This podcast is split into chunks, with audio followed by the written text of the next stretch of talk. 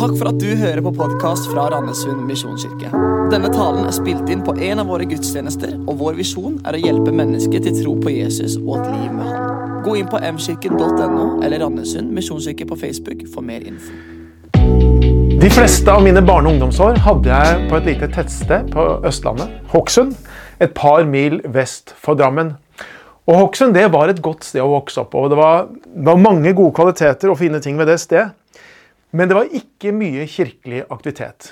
Jeg visste ikke om mange som var aktive i en eller annen menighet på den tiden. Gjennom alle årene mine på barneskole og ungdomsskole så visste jeg ikke om andre barn eller unge som var engasjert i menighet enn meg og min bror.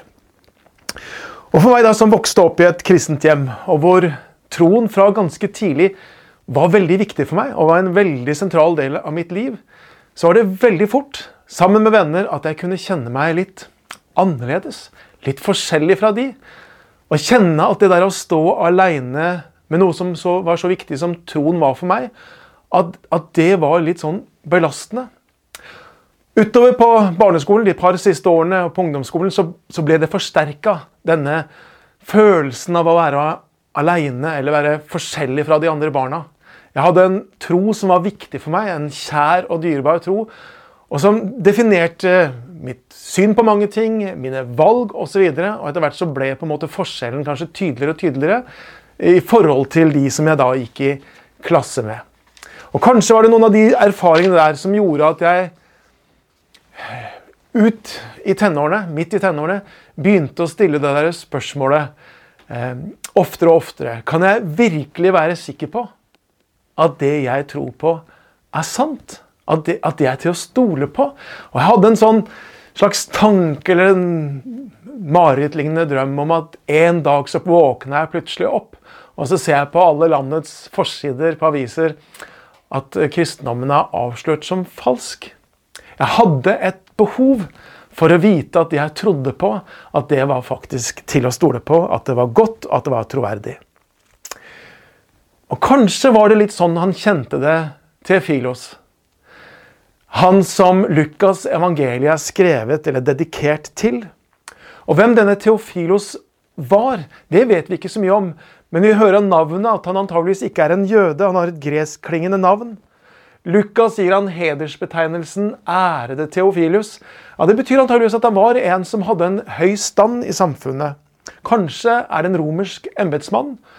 Og det at eh, Lukas dedikerer sitt evangelium til han, betyr kanskje at han har vært med og finansiert denne undersøkelsen og skrivearbeidet som Lukas da har stått for.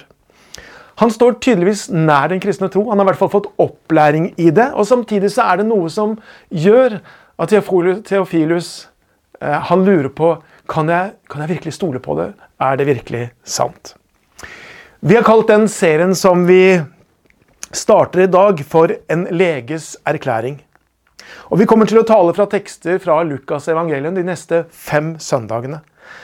Og Selv om forfatteren i dette evangeliet ikke presenterer seg i selve teksten, så er det fra kirkens tidligste dager vært en allmenn oppfatning av at det er Lukas, legen Lukas, som har skrevet både Lukas' evangelium og apostlenes gjerninger. Og Begge disse bøkene er dedikert til den samme Theofilos.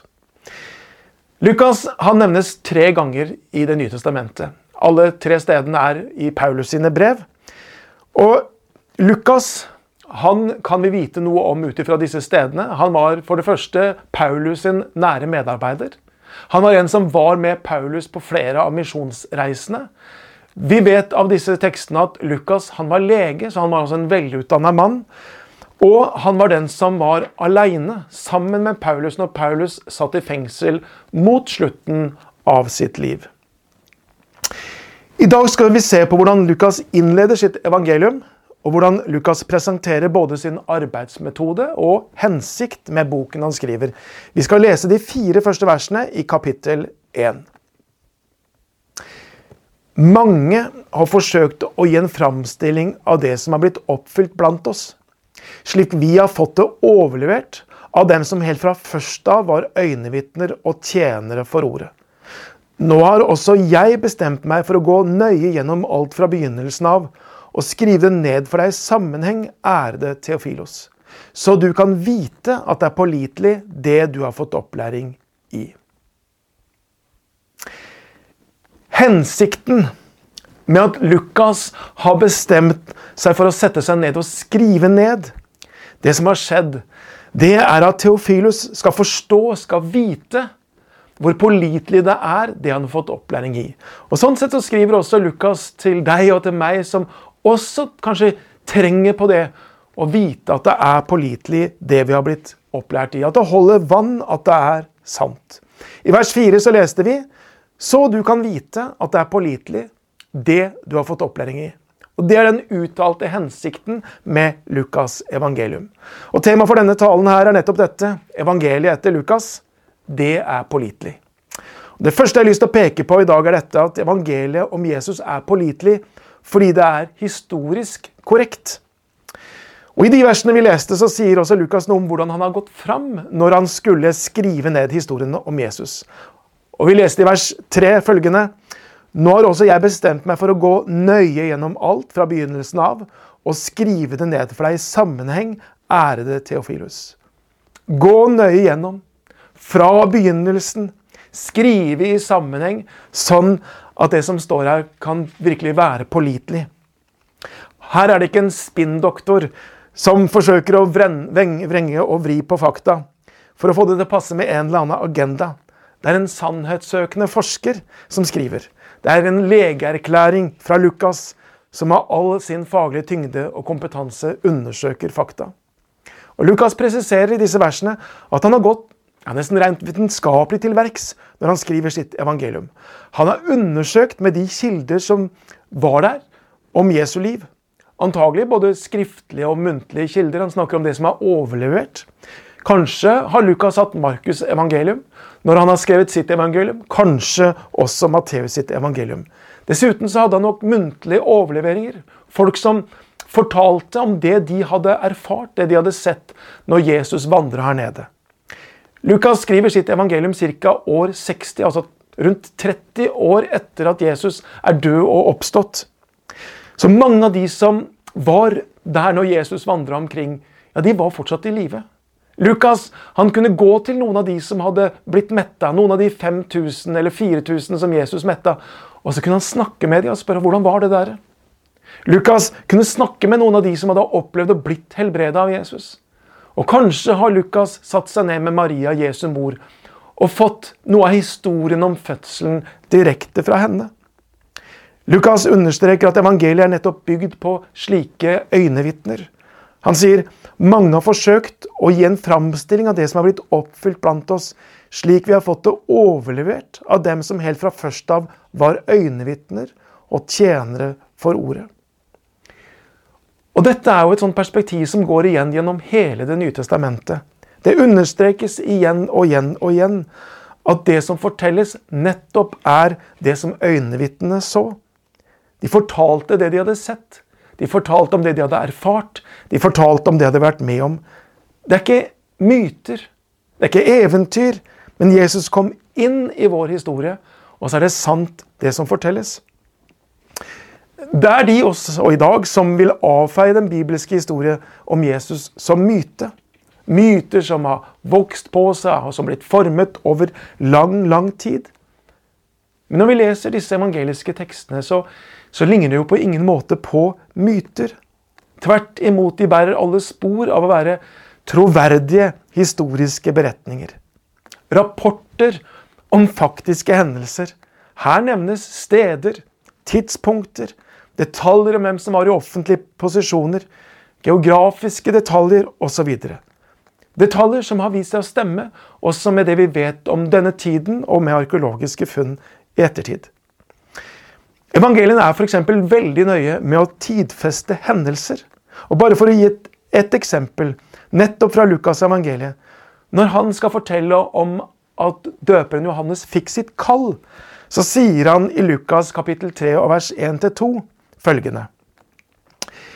I keiser Tiberius 15. regjeringsår, mens Pontius Pilatus var landshøvding i Judea, og Herodes var landsfyrste over Galilea, hans bror Philip over Iturea og Trakonatis, og Lysanias over Abilene, og mens Annas og Kaifas var øversteprester, da kom Guds ord til Johannes, Zakarias sønn, i ødemarken. Lukas han tidfester eh, Guds kall av døperen Johannes med ikke mindre enn seks referanser til samtiden. Vi kunne jo kanskje tenkt at det må jo holde lenge med én referanse, bare kanskje at det var i Tiberius' 15. regjeringsår. Men nei da, her kommer det fem ytterligere referanser til når Guds ord kom til Johannes. Og Så kan man jo spørre hvorfor det? Det, er, det tar jo bare masse plass. Det er jo unødvendige detaljer. Det bringer ikke historien framover i det hele tatt. Men poenget er jo dette, at det er så viktig for Lukas å liksom virkelig vise at det var akkurat da det skjedde.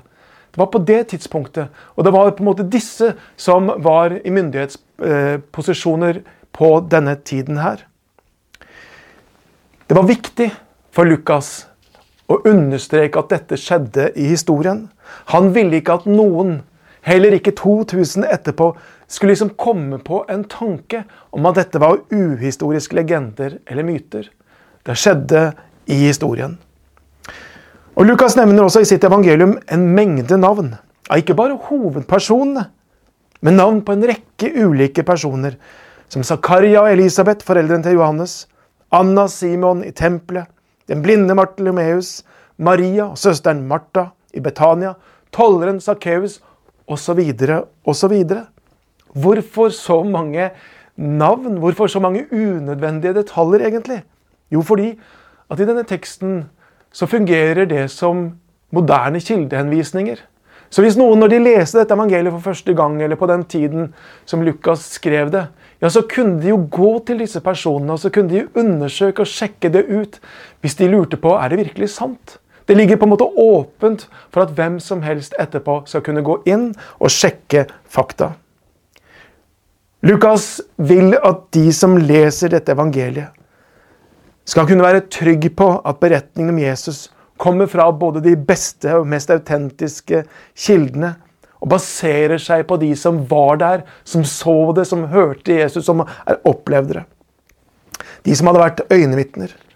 Og Lukas vil ikke bare høre med ett vitne, men ja, som en moderne forsker så sjekker han med mange kilder og hører med ulike perspektiver. Hvorfor arbeider Lukas slik? Jo, nettopp for at han ville at Theofilus og alle andre skal vite hvor pålitelig dette er. Helt siden tenårene så har jeg vært interessert i spørsmål om Bibelens troverdighet. Kan vi virkelig stole på det som står? Og etter å ha lest og studert hundrevis tror jeg, av bøker og artikler om emnet, så må jeg bare si at jeg blir bare tryggere og tryggere på Bibelens troverdighet og Bibelens autoritet. Jeg er enig med Vegard Husby nyvalgt generalsekretær i organisasjonen KRIK, som i et intervju i avisen Vårt Land nylig sa jeg er ikke kristen fordi jeg tror jeg blir lykkelig av det, men fordi det er sant og godt. Og Det bringer meg egentlig over til det andre poenget jeg vil si noe om i dag, nemlig at evangeliet er pålitelig. Ikke bare fordi det er historisk korrekt gjengitt. Det er jo mange historiske hendelser som ikke på en måte får en betydning for meg. Men evangeliet er pålitelig fordi det er sannheten med stor S. Og Det er det andre jeg vil understreke. Evangeliet om Jesus er pålitelig fordi det forteller sannheten om mennesket og Gud. Evangeliet er sannheten om tilværelsen, om hva et menneske er, om hvordan Gud er, om det evige liv og hvordan jeg kan få det evige liv. Det er evangeliet, beretningen om Guds sønn, Jesus Kristus, som kom som levde blant menneskene, som ga sitt liv til soning for menneskets synd, og som blir reist opp igjen på den tredje dag. Dette er det Lukas vi skal vite. Ikke bare at noe har skjedd, men som han sier i det første verset i kapittel 1 Han sier mange har forsøkt å gi en fremstilling av det som er oppfylt blant oss. Legg merke til ordet 'oppfylt'. Det er ikke bare en historisk hendelse som er eh, korrekt beskrevet.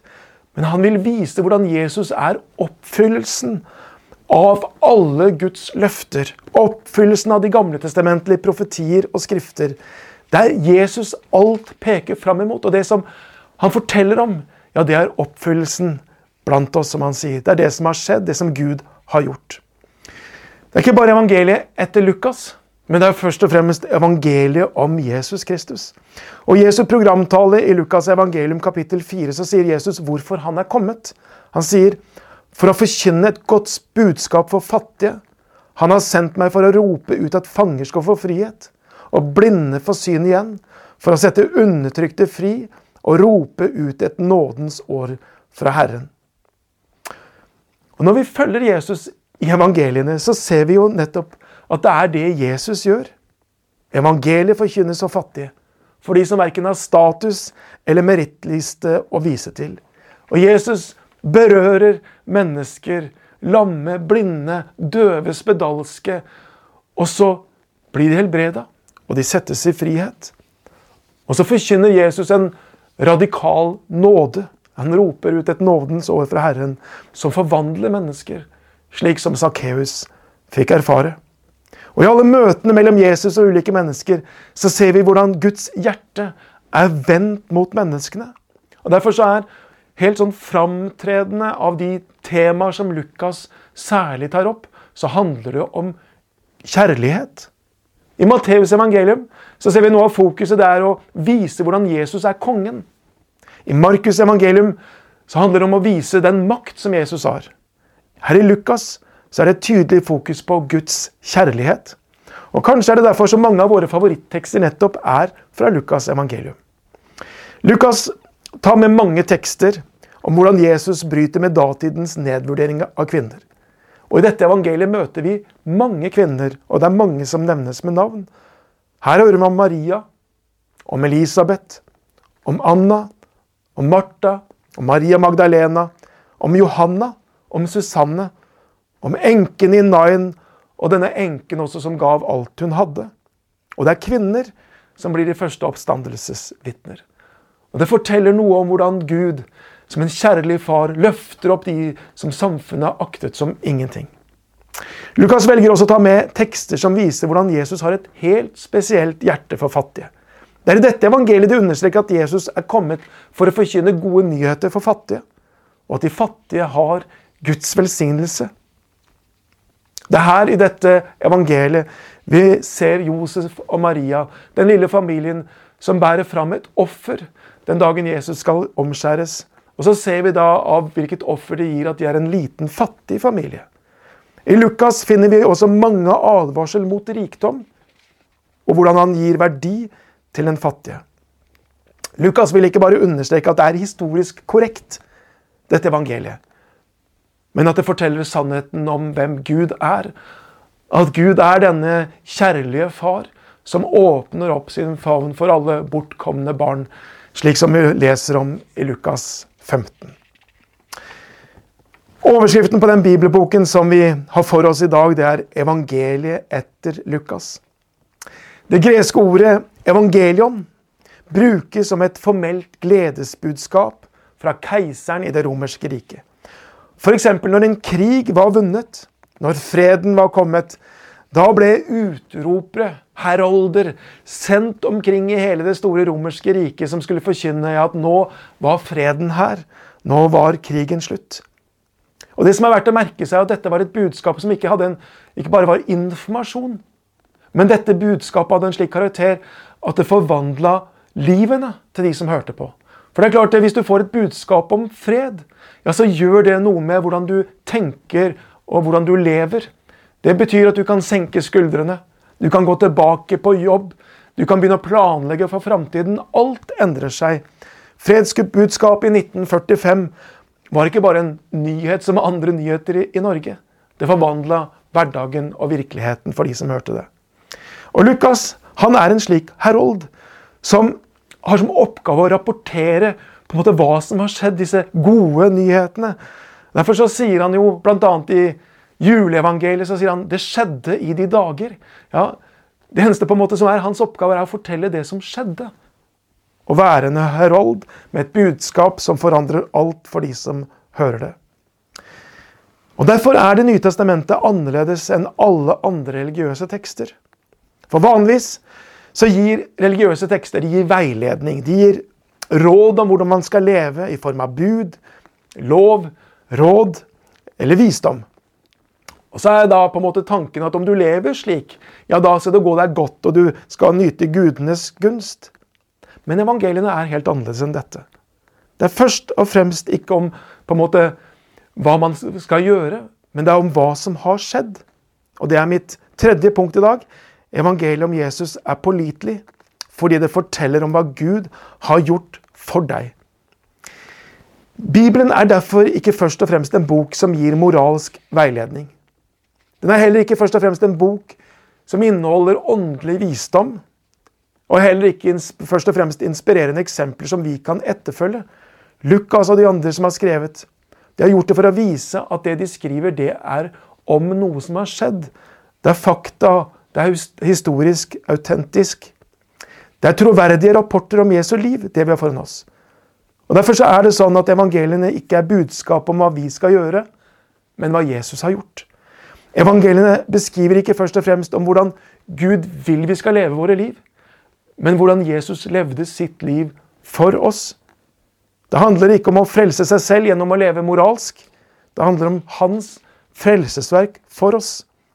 Det er ikke først og fremst om oss, men det er om han, som gav sitt liv for oss. Som forkynneren og teologen Tim Keller ofte sier, evangeliet er ikke de gode råd, men de gode nyhetene.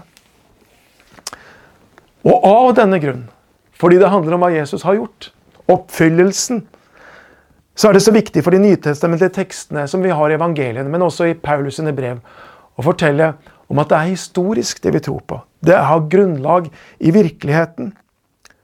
Og det stresses mange steder. Og Paulus, når han snakker om Jesu oppstandelse, så sier han bl.a. at til slutt så viste den oppstandende Kristus seg for mer enn 500 brødre på en gang. Av dem er de fleste i live.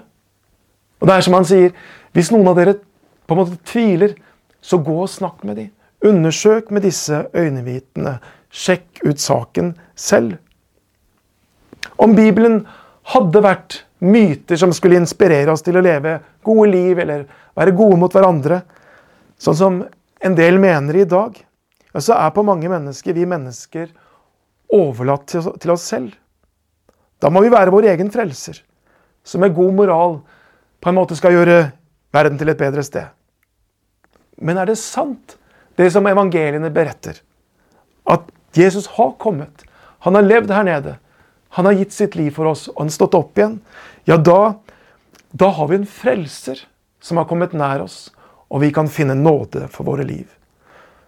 Og Det er det som er viktig for Lukas og de andre forfatterne av eh, Det nye testamentet. De vil at vi skal kunne stole på, skal kunne hvile i nettopp at dette er sant, også i tider hvor vi kan kjenne noe av presset som vi av og til kan merke. Det koster å være annerledes. Mange av våre trossøsken i andre deler av verden betaler en høy pris for det, for å tilhøre en kristen minoritet. Nylig kom rapporten World Watch List ut, som viser en økende grad av forfølgelse av kristne verden over.